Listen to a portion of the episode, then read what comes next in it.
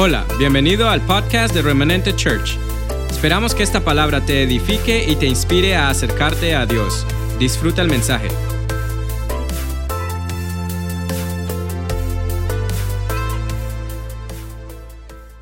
Vamos a orar y estar dispuestos para la palabra. Señor, te damos gracias.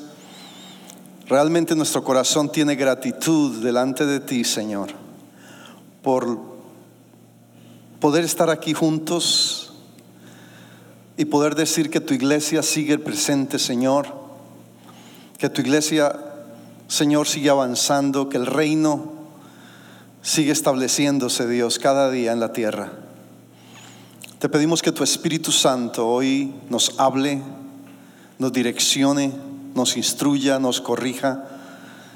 Y abra nuestros sentidos espirituales para percibir, para ver, para oír, para ser impactados, para ser injertados por tu palabra, Señor amado. Glorifícate en la vida de cada persona que está aquí, Señor. Gracias por sus vidas, gracias por, por esa determinación de estar aquí, Señor dispuesta a adorar tu nombre. Oramos también por las personas que están viéndonos online, Señor. Que tú bendigas sus casas, sus familias, a los que están en Facebook, a los que están en YouTube. Que tu Espíritu Santo sea alcanzándolos a través de la palabra, Señor. Y que tu Espíritu traiga convencimiento esta mañana. Que tu palabra, Dios, realmente, Señor, sea implantada en la mente, en el corazón, en el centro del corazón de cada uno, Dios de la mente, Padre, en el nombre de Jesús. Amén. Hasta que venimos a Cristo,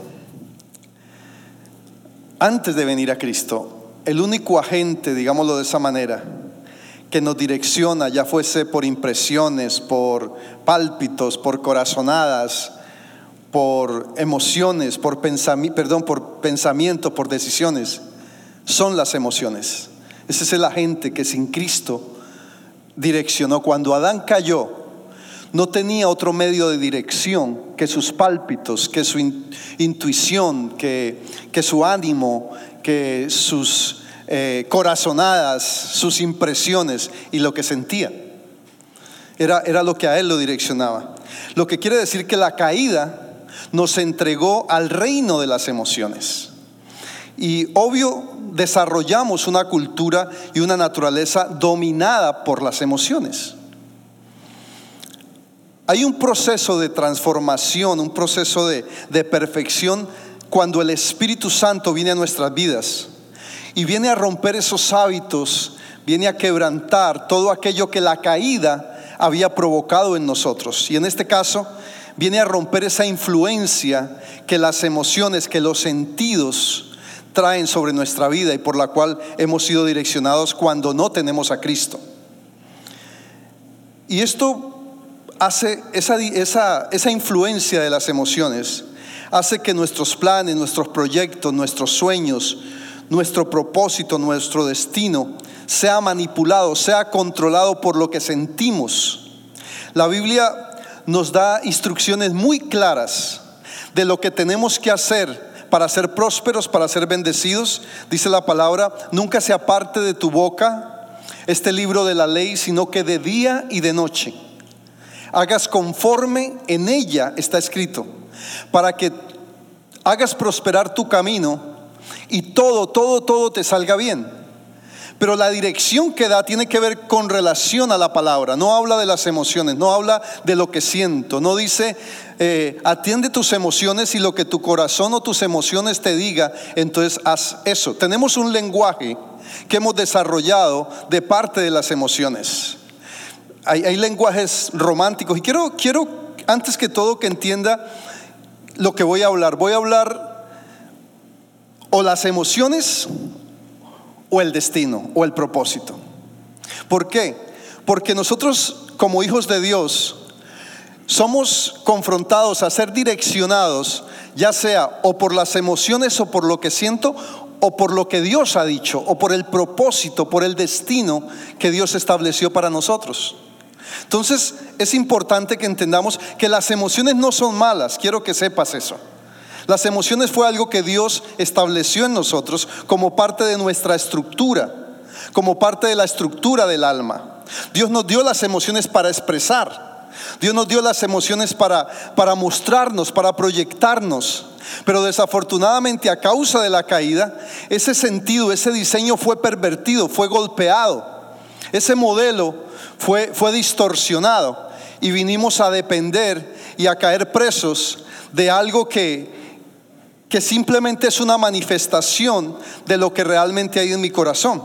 Entonces es importante que hoy entendamos qué, papel están jugando las emociones en mi vida.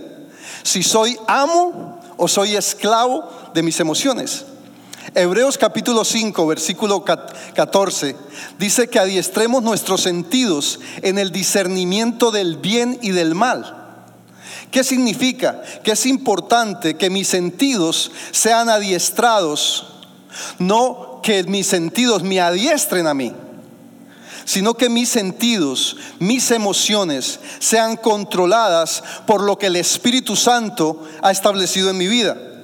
Ahora, a pesar de esto, yo veo de una manera muy sutil cómo la vida cristiana, digamos de una u otra forma, se ha provocado una mezcla.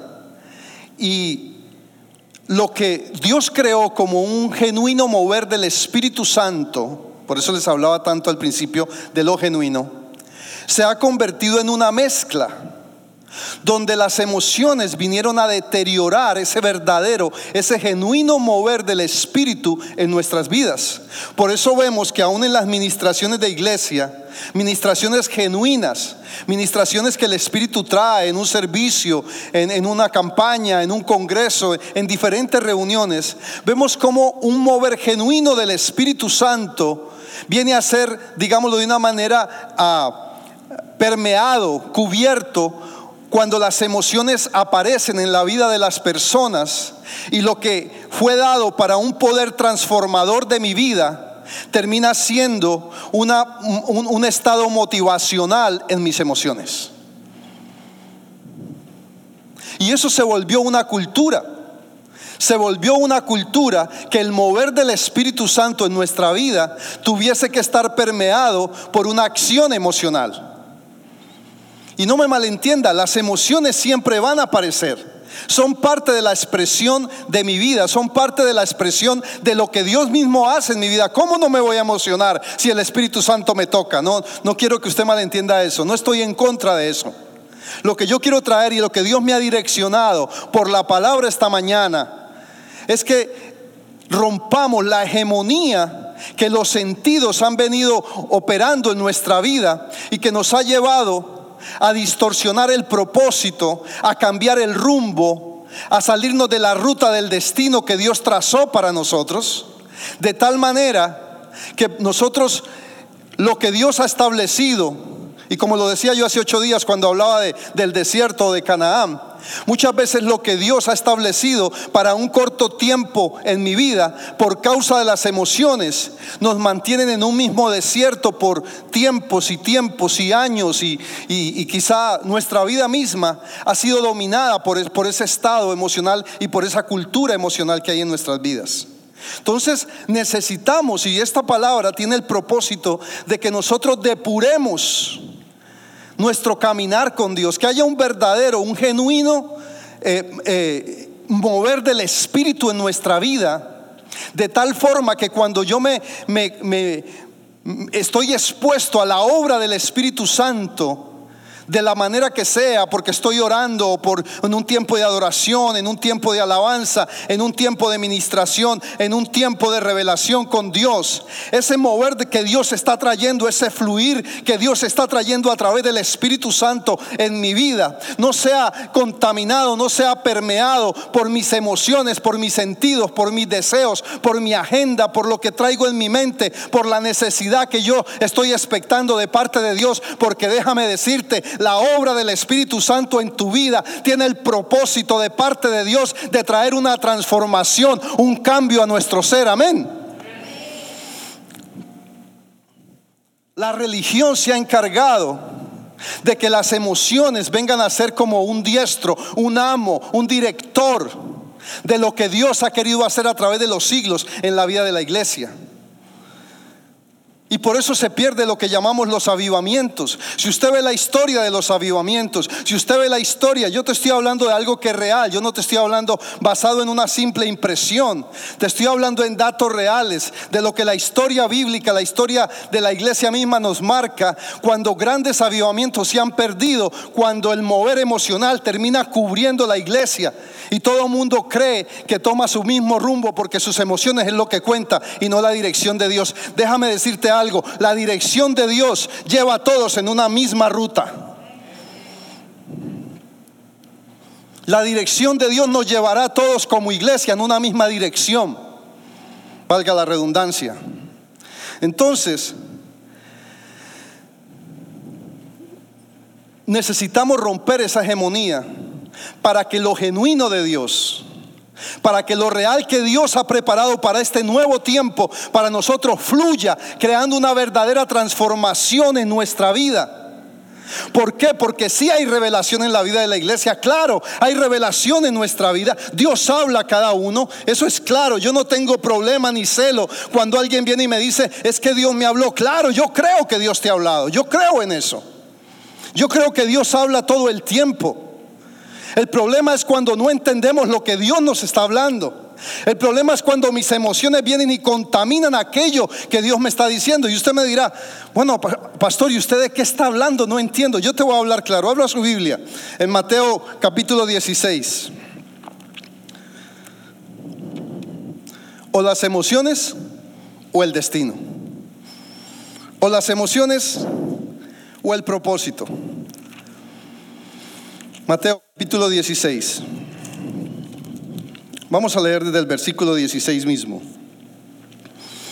Y esto fue lo que le pasó a Pedro. Entonces yo te estoy hablando por algo que, que es real.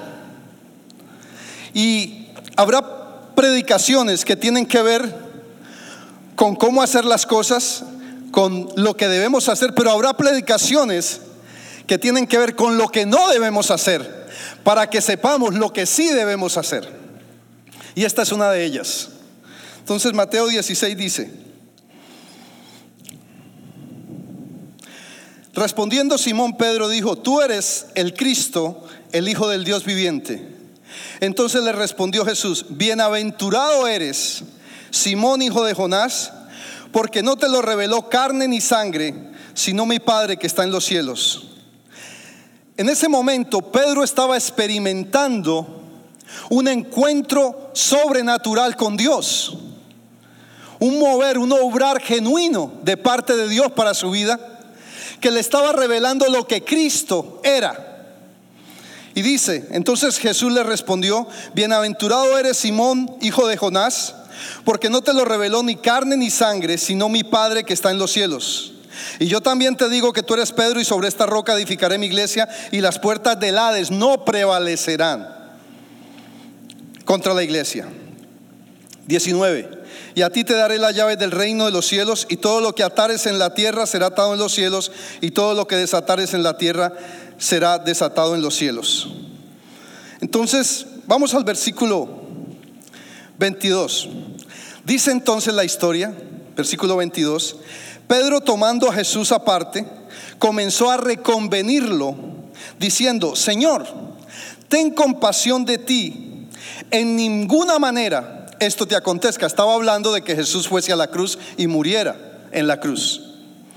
Pero Jesús, volviéndose, dijo a Pedro, quítate delante de mí, Satanás, me eres tropiezo porque no pones la mira en las cosas de arriba, o sea, en lo que es genuino, en las cosas del Espíritu, sino en las cosas de los hombres. ¿A qué se refería? A la carne, a las emociones, a las impresiones, a los conceptos. Esa era la posición de Pedro. ¿Y qué sucedía? Cinco minutos antes, cinco versículos antes, Pedro había tenido la gran revelación, había tenido una manifestación del Espíritu en su vida, estaba provocándose en su vida un mover tan especial. Imagínense la gran revelación en ese momento, cuando todavía no contaban con el mover claro del Espíritu, porque el Espíritu Santo todavía no había sido eh, eh, injertado en nosotros. Pero aún así de parte de Dios vino una revelación tan tremenda que le hizo ver que quién era Jesús. Pero él dejó que sus emociones, que sus sentidos que, que lo dominaban, que lo gobernaran, metieran la mano queriendo persuadir a Cristo. ¿Y qué le dijo Cristo a ese mismo hombre que había recibido esa revelación? Apártate de mí, Satanás, porque tú no pones las cosas en tus ojos, en lo que acaba de suceder, en lo que mi Padre acaba de revelarte, sino que estás poniendo tus ojos en lo que esa revelación provocó en ti. ¿Qué había provocado? ¿Qué demuestra esto que había provocado esta revelación en la vida de Pedro? Demostraba que él lo que había hecho era que sus emociones fueran retroalimentadas y eso lo llevó a pensar que por causa de esas emociones podía y tenía el poder, la autoridad y el derecho de decirle a Cristo lo que tenía que hacer.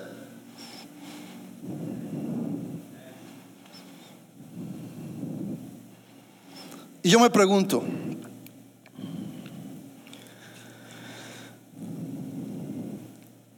¿qué motivó a Pedro a sentirse con ese derecho. No había una mala intención en él. Él estaba seguro, yo me imagino que él estaba seguro, oh, porque él estaba flotando. Imagínense después de semejante revelación, ¿qué lo motivó? Sus emociones, sus sentidos. Y él estaba seguro, escúcheme, como yo conozco mucha gente segura de que es el Espíritu Santo quien lo está guiando en ese momento, y no es así. Pedro estaba, ¿cómo podía uno imaginarse que después de cinco minutos de semejante encuentro, Pedro cometiera tal error de que sus emociones lo tomaran y venir delante de Jesús a querer darle una instrucción. Aún mismo los que lo rodeaban podrían decir, no, claro, Pedro está en el Espíritu, Pedro, oh no, él está en toda la capacidad en este momento de hacer lo que está haciendo. Pero esto es lo que sucede. Y de esto yo te estoy hablando hoy, cuando mis emociones son las que gobiernan mi vida. Porque el mismo, escúchame esto, el mismo conducto, por decirlo de esa manera, por donde Pedro recibió la revelación, es el mismo conducto por donde Pedro fue instrumento de Satanás.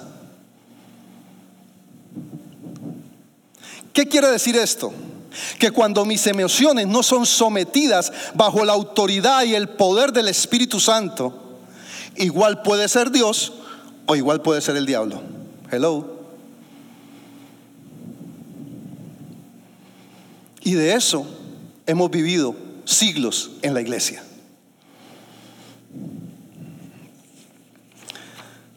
¿Qué hubiese pasado? ¿Qué hubiese pasado si Jesús no se para en autoridad y ubica a Pedro? Y yo como pastor hoy le digo, nosotros los pastores fallamos en eso.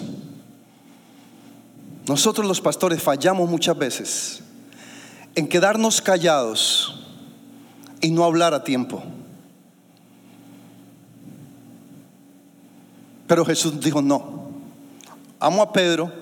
Mi Jesús mismo hubiera podido decir, pero ¿cómo yo puedo pensar que Pedro está equivocado cuando mi Padre mismo acaba de revelársele hace cinco minutos?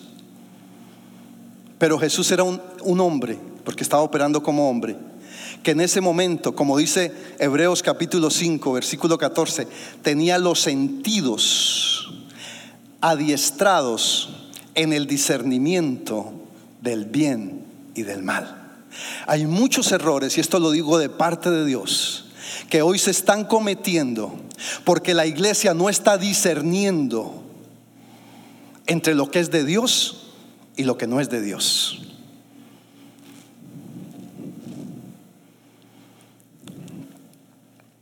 Pedro estaba seguro, Pedro estaba convencido.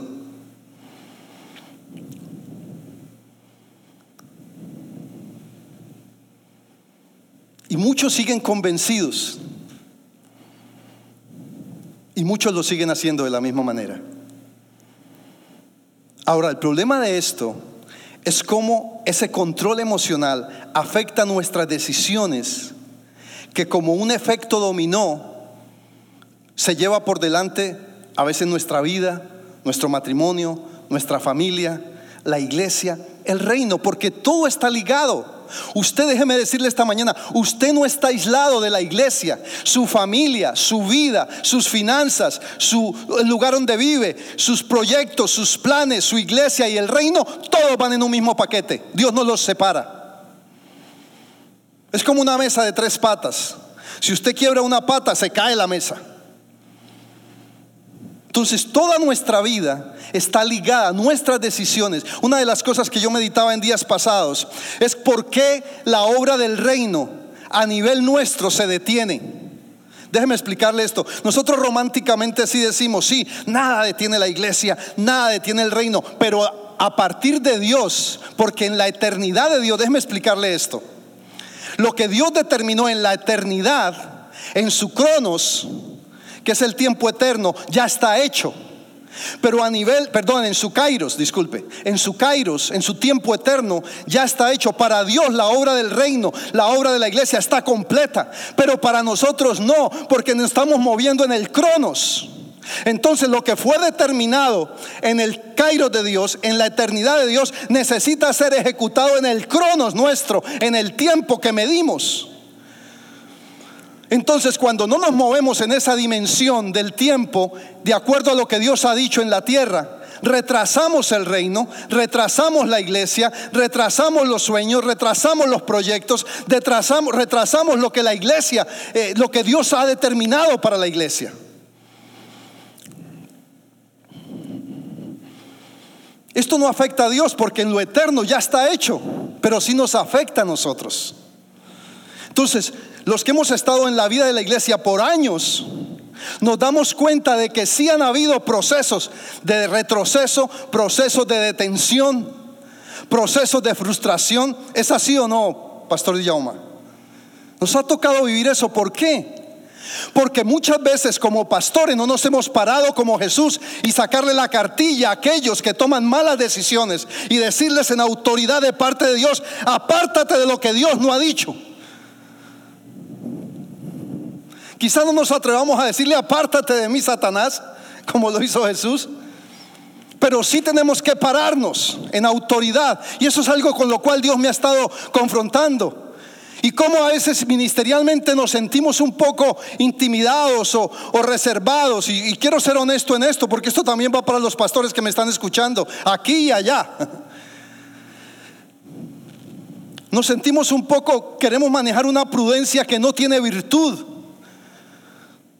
Y creo que este tiempo Dios nos va a llevar en ese sentido a operar más en autoridad y en amor, obviamente para clarificarle a las personas lo que Dios nos está mostrando. Créame, yo esta palabra te la traigo y los que están alrededor mío, los que me conocen más allá de mi familia, hay gente cercana, saben que yo paso horas metido buscando y orando al Señor. Señor, dime cuál es la palabra, qué es lo que tiene. Y a veces me coge el mismo sábado, 11 de la noche y todavía Dios no me ha dado el tema porque no juego con eso. Para predicar tengo miles de prédicas que he predicado a través de los años, pero no se trata de eso, no se trata de un reciclaje, se trata de que lo nuevo que Dios trae para hoy, para tu vida, sea genuino. Dale ese aplauso al Señor.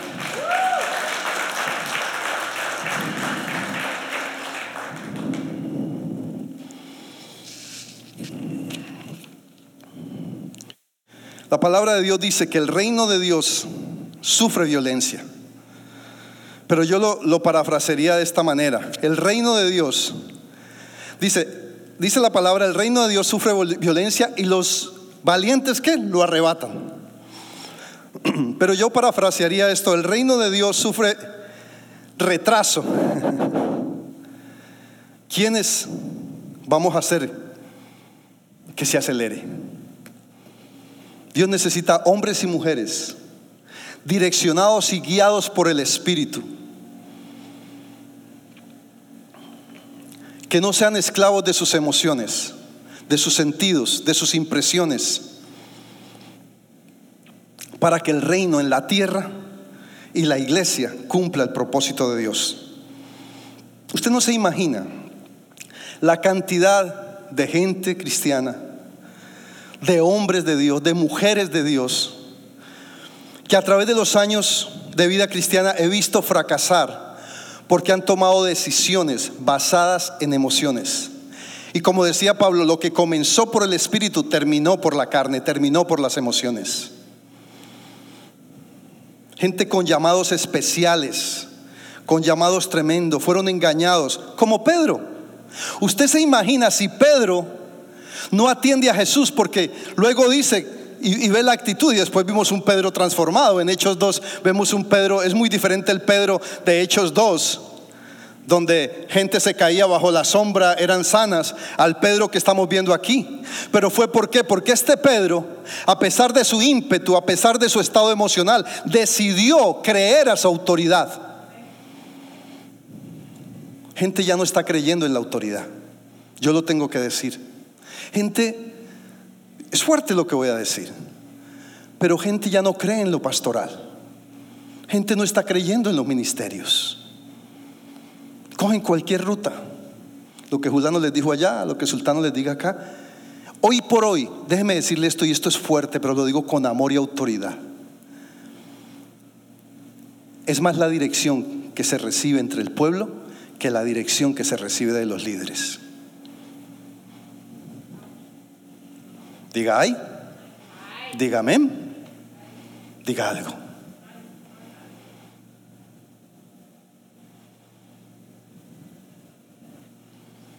Tranquilo, estamos comenzando de nuevo, no se preocupe. ¿Qué hizo Jesús? Y eso es lo que nosotros como líderes tenemos que hacer. Jesús lo rescató, lo hizo morir a sus emociones, le dijo, no mires las cosas que están abajo, míralo de arriba. O sea, en otras palabras le dijo, guíate por el Espíritu, no te guíes más por tus emociones.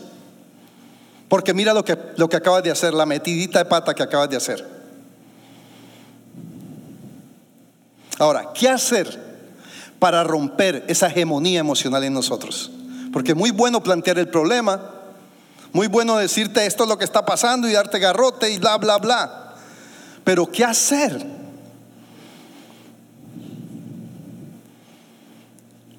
Primero que todo,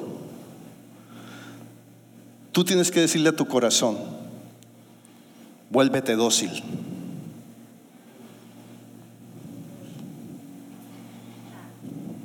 vuélvete dócil. Porque el corazón dócil, si Pedro no hubiera tenido un corazón dócil, un corazón sensible, un corazón eh, sujeto, un corazón dócil es un corazón no débil, un corazón manso, más bien. ¿Para qué? Para que recibas con humildad. Si eso no pasa, vamos a seguir en lo mismo. Yo hago lo que siento. Uno escucha gente decir, yo hago lo que siento. Yo sigo mi corazón. Entonces escuchan una canción bonita y la siguen. No, estoy bromeando. ¿Qué debo hacer? Porque primero hay que romper el dominio de ese hábito. Lo primero es, no, no retroalimentes tus emociones ¿De qué manera? Por ejemplo, la autocompasión. La autocompasión le da una fuerza al sistema emocional que usted no se imagina. Hay gente que vive de la compasión porque eso lo hace sentir cuando lo atienden o cuando llama la atención. Ay, siente que, ay, aleluya, Señor, tú escuchaste mi oración. Estás retroalimentando tu sistema emocional y te estás alejando de lo genuino, de la obra del Espíritu. No, no profundice mucho de eso, pero si usted ve la historia de la obra del pentecostalismo, por decirlo de esa forma, que no es malo, lo que pasa es que la religión se tiroteó el mover porque dejó que las emociones vinieran a marcar la diferencia en lo que Dios quería hacer. Y se perdió el mover. No se perdió la obra del Espíritu, se perdió el mover que Dios quiso traer en su tiempo por causa de que la iglesia se dejó arrastrar por ese sistema emocional que fue creado como una cultura y se creó un híbrido, una mezcla, un sincretismo. Entonces necesitamos dejar de retroalimentar nuestro sistema emocional. Todo el mundo hoy necesita motivación, Todo el mundo necesita eh, un, un aliciente. Claro, somos humanos, no me malentienda. Y yo quiero que usted entienda algo, paréntesis. No estoy en contra de las emociones, sería estar en contra de lo que Dios creó en nosotros.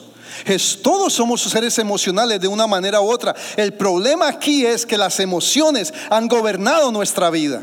Jesús mismo tuvo emociones. Jesús lloró. Jesús tuvo miedo. Jesús tuvo hambre.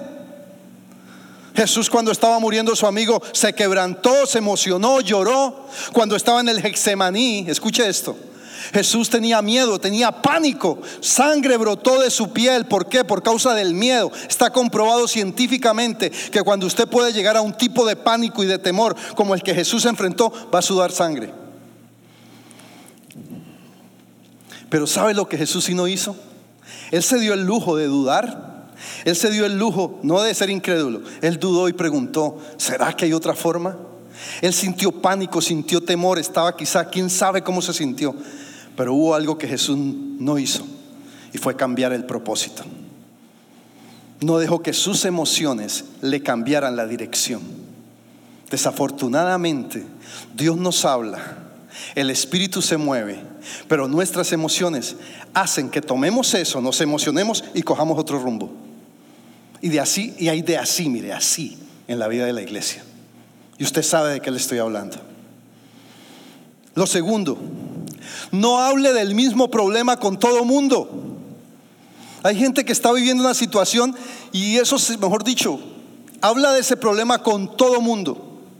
Y si supieras lo que me ha pasado, ¿cómo estás? No, si supieras lo que me ha pasado. Y ahí empieza el violín. Y se encuentran, ¿cómo está? No, si supiera lo que me ha pasado. Entonces, ¿qué hace eso? Eso retroalimenta tus emociones. Aprende a callar. Aprende a ir delante de Dios. Y esto no es religión. Esto es someter la carne, es mirar a Dios en vez de mirar las circunstancias. Y cuando menos piensas, tu alma está sometida a lo que Dios quiere y puedes, cuando tú callas la voz de tus emociones, entonces escuchas genuinamente a Dios, mientras tus emociones están alborotadas, están activas, porque la palabra nos dice, estar quietos y conocer que yo soy Dios. Eso no es pasividad física. Hay gente que no trabaja porque Dios le dijo que estar quietos. ¿Cómo no? No, tiene que ver con lo emocional. Aquieta tu alma, aquieta tus emociones y ahí me vas a conocer. Es lo que Dios nos está diciendo. Lo que Dios me está diciendo, hey, no le hagas caso a tus emociones porque te, te lo aseguro que te van a traicionar. Aquiétalas, calla tu alma y entonces me vas a escuchar a mí. No hable del mismo problema. Tercero, detecta cuáles son tus reacciones emocionales más comunes. Cuando alguien te dice lo que quieres oír, cuando alguien, cuando te enamoras fácilmente, cuando no terminas lo que comienzas, ¿cuáles son tus reacciones emocionales que tú sientes que son más comunes, que te gobiernan? Hay gente que se enamora del enamoramiento.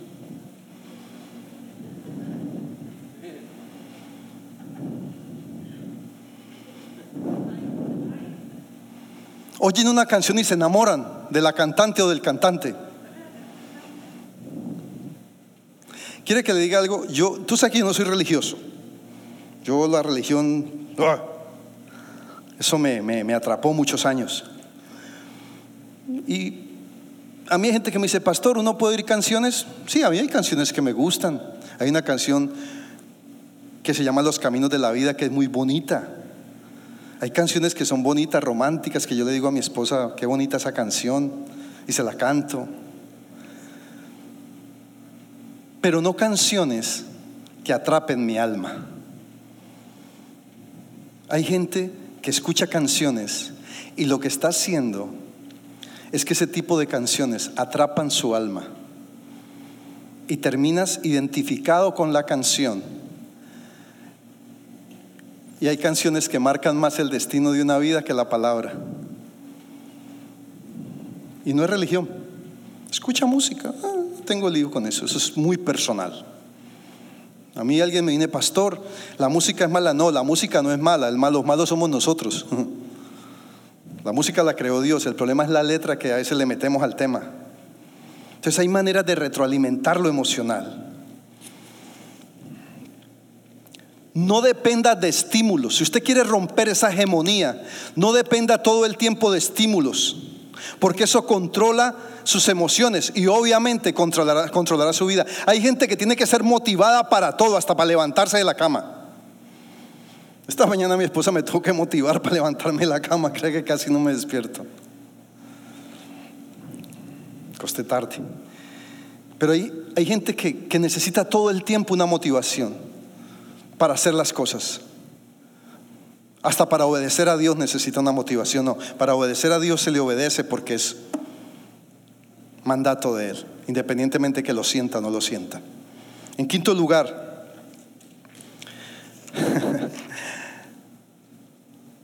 rompe el lenguaje emocional del cual, en el cual tú vives.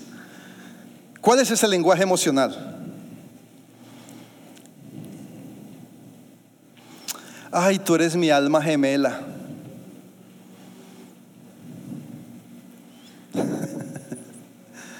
Tú eres mi alma gemela. Yo oigo gente entre amigos, amigas.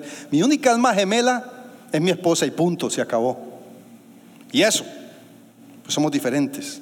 Pero bueno, digamos que sí porque somos una sola carne. Pero uno encuentra, ay, no es que encontré mi alma gemela. Eso es puro lenguaje emocional. Sabe que, el, sabe que las emociones, las emociones son un conductor, son un conector espiritual. Yo hago alianzas a través de las emociones. Y no me malentienda, hay alianzas que vienen de Dios en amistad, en familia, en negocios. Hay alianzas que vienen de Dios. No, no me esté malentendiendo, no estoy tratando de, de mandar un mensaje subliminal.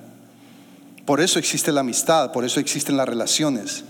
Pero hay relaciones o hay emociones, perdón, que nos conectan y terminamos ligados al destino de otra persona que nada tiene que ver con el destino que Dios marcó para mi vida.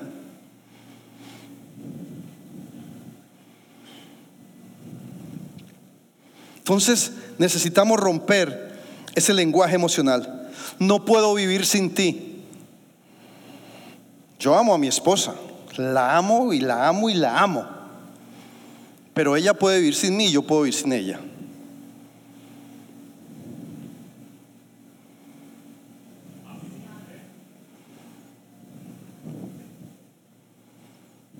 Adriel, ¿tú no puedes vivir sin Débora?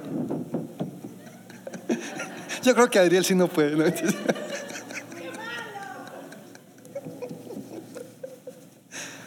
Usted, me, estoy haciendo entender, ¿verdad? Ahora, quiero que, que entendamos que las emociones, vuelvo y te repito, no son malas, pero están dañando propósito. Yo tengo una lista aquí que anoche a las 3 de la mañana, 2 de la mañana, Dios me despertó, yo todo dormido, prendí la, la grabadora del teléfono y, de tantas cosas que las emociones producen en nuestra vida. No sé si la alcance a, leer, pero, pero voy a seguir con el mensaje. Las emociones no son malas o buenas, Dios nos las dio. El problema es la condición de nuestra alma. Lucas 6:45 dice, de la abundancia del corazón habla la boca. Es lo malo, no es lo que expresamos, es que hay en mi corazón, porque de mi corazón hablan las emociones. Y un problema muy sutil es cómo las emociones gobiernan mi voluntad. Y cuando las emociones gobiernan mi voluntad, dejo de depender de la voluntad de Dios. Cuando las emociones gobiernan tu voluntad, ya no depende de la voluntad de Dios. ¿Cómo someto? Rápido voy a ir porque se me fue el tiempo. ¿Cómo someto o adiestro mis emociones? Lo primero que tengo que hacer para para someter mis emociones es guardar mi corazón sobre toda cosa guardada. Proverbios 4:23, guardaré mi corazón. Con lo que me alimento, con lo que escucho, con lo que veo, con lo que digo, con lo que hablo. En segundo lugar, primero guardando mi corazón. En segundo lugar, sana tu alma. Trae orden en tu voluntad, trae orden en tu mente, trae orden en tus deseos, trae orden en tus sentidos, trae orden en tus pensamientos, trae orden en tus emociones y serán sometidas y cumplirán el propósito para el cual Dios nos las entregó para expresar cuando viene el orden a mi vida. Para expresar lo que se le ordena. Tú eres amo de tus emociones. Las emociones no son tu amo, no son tu Señor. La Biblia dice que adiestremos, nosotros adiestramos las emociones, pero la caída nos hizo esclavo de las emociones. La volvió nuestro sensei, nuestro amo. Tercer lugar, adiestralas, diles quién manda. Diles quién manda. Cuarto lugar, no busques a Dios por lo que sientes. Hay un pasaje en Eclesiastés 12.1 que uno lo decía mucho de joven, acuérdate del Señor en los días de tu juventud, antes de que vengan los días en los que diga ya no tengo en ellos contentamiento. Tiene que ver con las emociones. Tiene que ver con las emociones. No busques a Dios por lo que sientes. Quinto lugar, y esta es muy importante y Jesús se la dijo a Pedro, niégate a ti mismo. No importa qué las emociones le digan a usted. No importa qué tan parecido les, le luzca que es el Espíritu Santo, como Pedro. Pedro estaba, pero uy, pero ¿cómo puedo fallar en decirle esto a Cristo si el Espíritu me está guiando? Yo me lo imagino porque yo he visto muchos de esos escenarios hoy por hoy. Es que usted supiera, yo sentía la piel se me ponía, uy, yo sentía que era el Espíritu. ¿Qué Espíritu sería?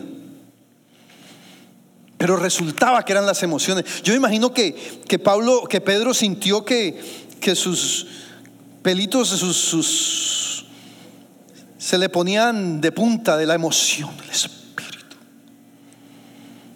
Pero resultó que eran sus emociones.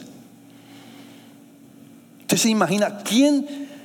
Ese es el cuadro más claro que uno puede ver en la palabra de cómo las emociones nos pueden traicionar. Todo lo que Dios te hable no es aislado. Nada, escúchame. Todo lo que Dios te hable está sujeto a un plan.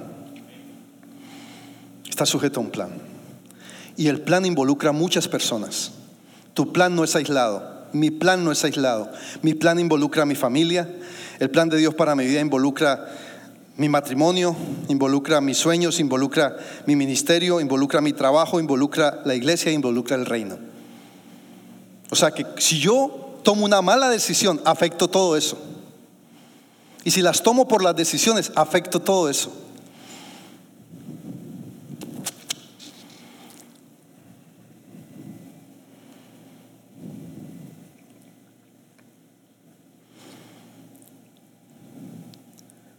Niégate a ti mismo. Número 6, Colosenses 3:5, haz morir lo terrenal Haz morir lo terrenal. ¿Qué es hacer morir lo terrenal? Los vicios emocionales, las costumbres emocionales que tenemos. Tenemos muchas costumbres emocionales. Hay muchas costumbres emocionales en nuestra vida. Hagámoslas morir. Es lo que Jesús le dijo a Pedro. No mires lo que está abajo, mira lo que está de arriba, porque lo de abajo está expuesto. Pero si miramos lo de arriba, tendremos más posibilidad de acertar. Ahora, o las emociones o el propósito. Y aquí termino rápido. Si tú insistes en seguir regido o regir tu vida por las emociones, no solo detendrás el propósito en tu vida, sino que caerás en ilegalidad. En ilegalidad. Hay una legalidad que depende de la legitimidad de Dios. Hay una legalidad en nuestra vida cuando yo camino fuera del propósito, caigo en ilegalidad. Me salgo de la legitimidad de Dios. Hay cosas que son legales y hay cosas que son legítimas. Voy a hacer una pequeña referencia, ya lo he enseñado en el pasado. Y el mejor ejemplo es esto. En este país hay cosas legítimas que son ilegales y hay cosas ilegítimas que son legales. Por ejemplo, el aborto es legal en este país, pero es ilegítimo delante de Dios. El matrimonio homosexual es legal en este país, pero es ilegítimo. Ahora, ¿qué es legítimo que es ilegal? Es ilegal orar en las escuelas, pero es legítimo delante de Dios. Entonces, cuando yo dejo que las emociones gobiernen mi vida, me salgo de lo legal y me salgo de lo legítimo. Porque me salgo de lo legítimo cuando me salgo de la obra del Espíritu y calgo en lo ilegal cuando dejo que sean mis emociones la que rijan el propósito de Dios. Fue lo que le pasó a Pedro. Pedro afectó lo legítimo al querer dañar el propósito eterno de Dios en la cruz. Y cayó en ilegalidad. Tan cayó en ilegalidad que Jesús le dijo, aparta. Jesús pudo haber sido más suave. Yo a veces me pregunto, ¿por qué fue Jesús tan duro y tan contundente? Tan fuerte. ¿Por qué no le dijo, no, Pedro, no hagas eso, eso no está bien? Yo reprendo eso, yo te corrijo eso. No, le dijo, apártate de mí, Satanás. ¿Qué habrá visto Jesús? ¿Cuántas veces nuestras emociones están mostrando a Satanás? Uy. Fuerte, ¿verdad? Pero ¿qué habrá? Y se lo estaba diciendo a un hombre que acababa de ser espiritual. De verdad que nos falta. Entonces, cuando Adán cayó, pecó, entró en lo ilegítimo. Y para poder encontrar una ruta en su vida, se acogió a las emociones. Era la única ruta que él tenía. Era la única dirección que él tenía, acogerse a sus emociones. Por la condición en que su alma había quedado. Creo que no te entiendo. Cree que no me entiende, me dice Siri. Ya te explicaré, Siri, espérate. Eso es profético. Cuando, cuando Adán cayó, entró en ilegitimidad. Pero como el ser humano necesita algo por el cual ser gobernado, todos necesitamos ser gobernados por algo, ¿verdad? Así fuimos creados. Adán decidió ser gobernado por sus emociones y hasta el día de hoy estamos sufriendo aquello. Entonces, ya te lo dije al principio, ya voy a terminar. Lo ilegal detiene el propósito. Lo ilegal detiene el propósito. Asegúrate que tú estés caminando en el propósito legal de Dios, en el propósito legítimo.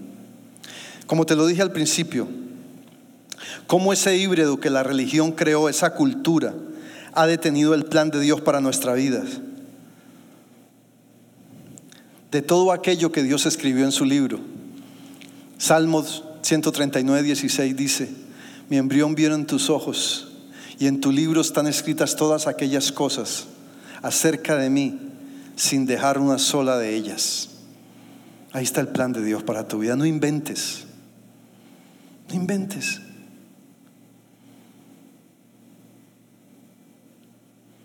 Por causa de las emociones. Si tú estás seguro que algo es del Espíritu, amén, hazlo.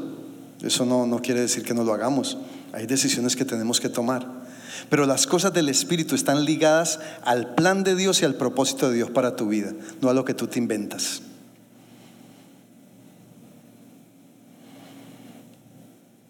Esa cultura, y aquí termino con esto, esa cultura emocional ha dañado lo genuino del mover del Espíritu para estos tiempos.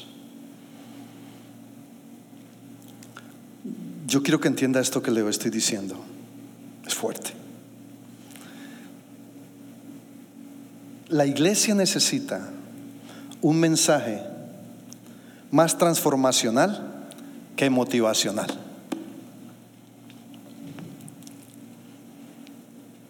Yo me cuido de que mis mensajes, aunque sean, puedan ser motivacionales, porque todo mensaje motiva, realmente traiga a tu vida un deseo de cambio, un deseo de transformación.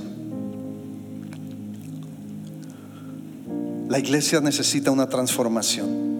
Y para que eso suceda, y eso me involucra a mí, nos involucra a todos, necesitamos movernos en, en la obra del Espíritu Santo de una manera genuina. Y para que sea genuina necesitamos someter las emociones. O, el, o las emociones o el propósito. O la revelación que el Padre le dio a Pedro o la motivación emocional de querer a mover a Jesús de su propósito. Tú y yo escogemos. Así que esta mañana vamos a decirle, Señor,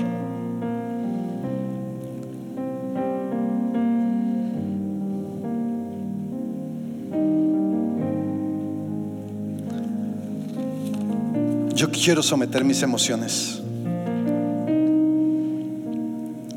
Gente de alabanza puede pasar. Gente cambia la dirección de Dios,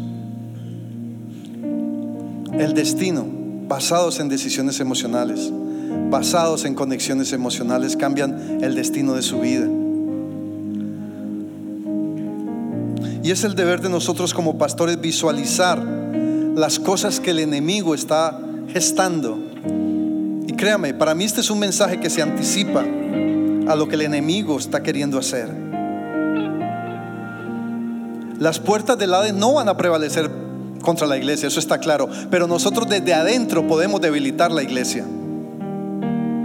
Y es, es obvio que nadie reconoce que es emocional. Usted le dice a una persona que es emocional y se, se ofende. Usted le dice a una persona que es hormonal y se ofende. Nadie quiere reconocer que es emocional. Todos somos emocionales. El problema no es ese, el problema es ¿Cuántos estamos siendo gobernados por las emociones? No es que no me emocione, la palabra dice airados, pero no pequéis. ¿Cómo puedo emocionarme, airarme, enojarme y no pecar? Porque Dios sabe que nos hizo emocionales. Las emociones buscan llenar vacíos. Las emociones siempre nos van a llevar a, que cuando creemos que el plan A de Dios, porque Dios no tiene plan B, Dios solo tiene plan A. Las emociones nos llevan a, a, buscar plan A, plan B, plan C, D, todo el abecedario.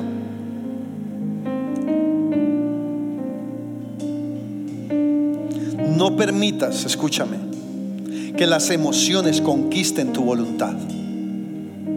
No lo permitas.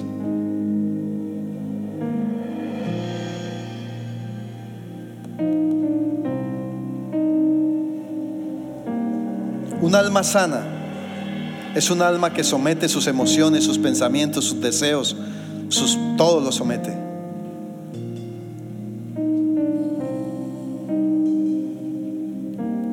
Hay algo que, ya termino, que se anda llamando, se, oye hoy mucho, que es la inteligencia emocional.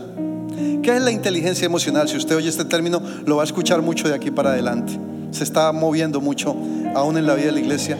Y no es que sea malo, es un término, digámoslo así, muy ideológico, pero a la final viene siendo muy bíblico.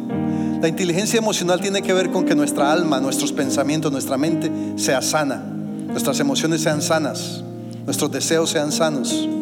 Y eso solamente viene de parte de Él. Así que inclina tu rostro ahí donde estás y dile, Señor, hoy someto mis emociones. Dile, Señor, yo quiero un mover genuino de tu espíritu en mi vida. Cámbiame, transfórmame conforme a tu propósito, conforme a tu destino en mi vida. Quiero depender de ti. Quiero depender de lo genuino del Espíritu. Dile, Señor, permíteme adiestrar mis sentidos en el discernimiento de tu propósito, en el discernir de lo que tú dices, en el discernir del, de, del diseño tuyo para mi vida. No permitas que nada ni nadie cambie la dirección de mi vida por causa de mis emociones. En el nombre de Jesús. Amén. Amén. Esperamos que este mensaje haya sido de bendición. No te olvides de suscribirte a nuestro podcast y seguirnos en Facebook e Instagram arroba remanente church.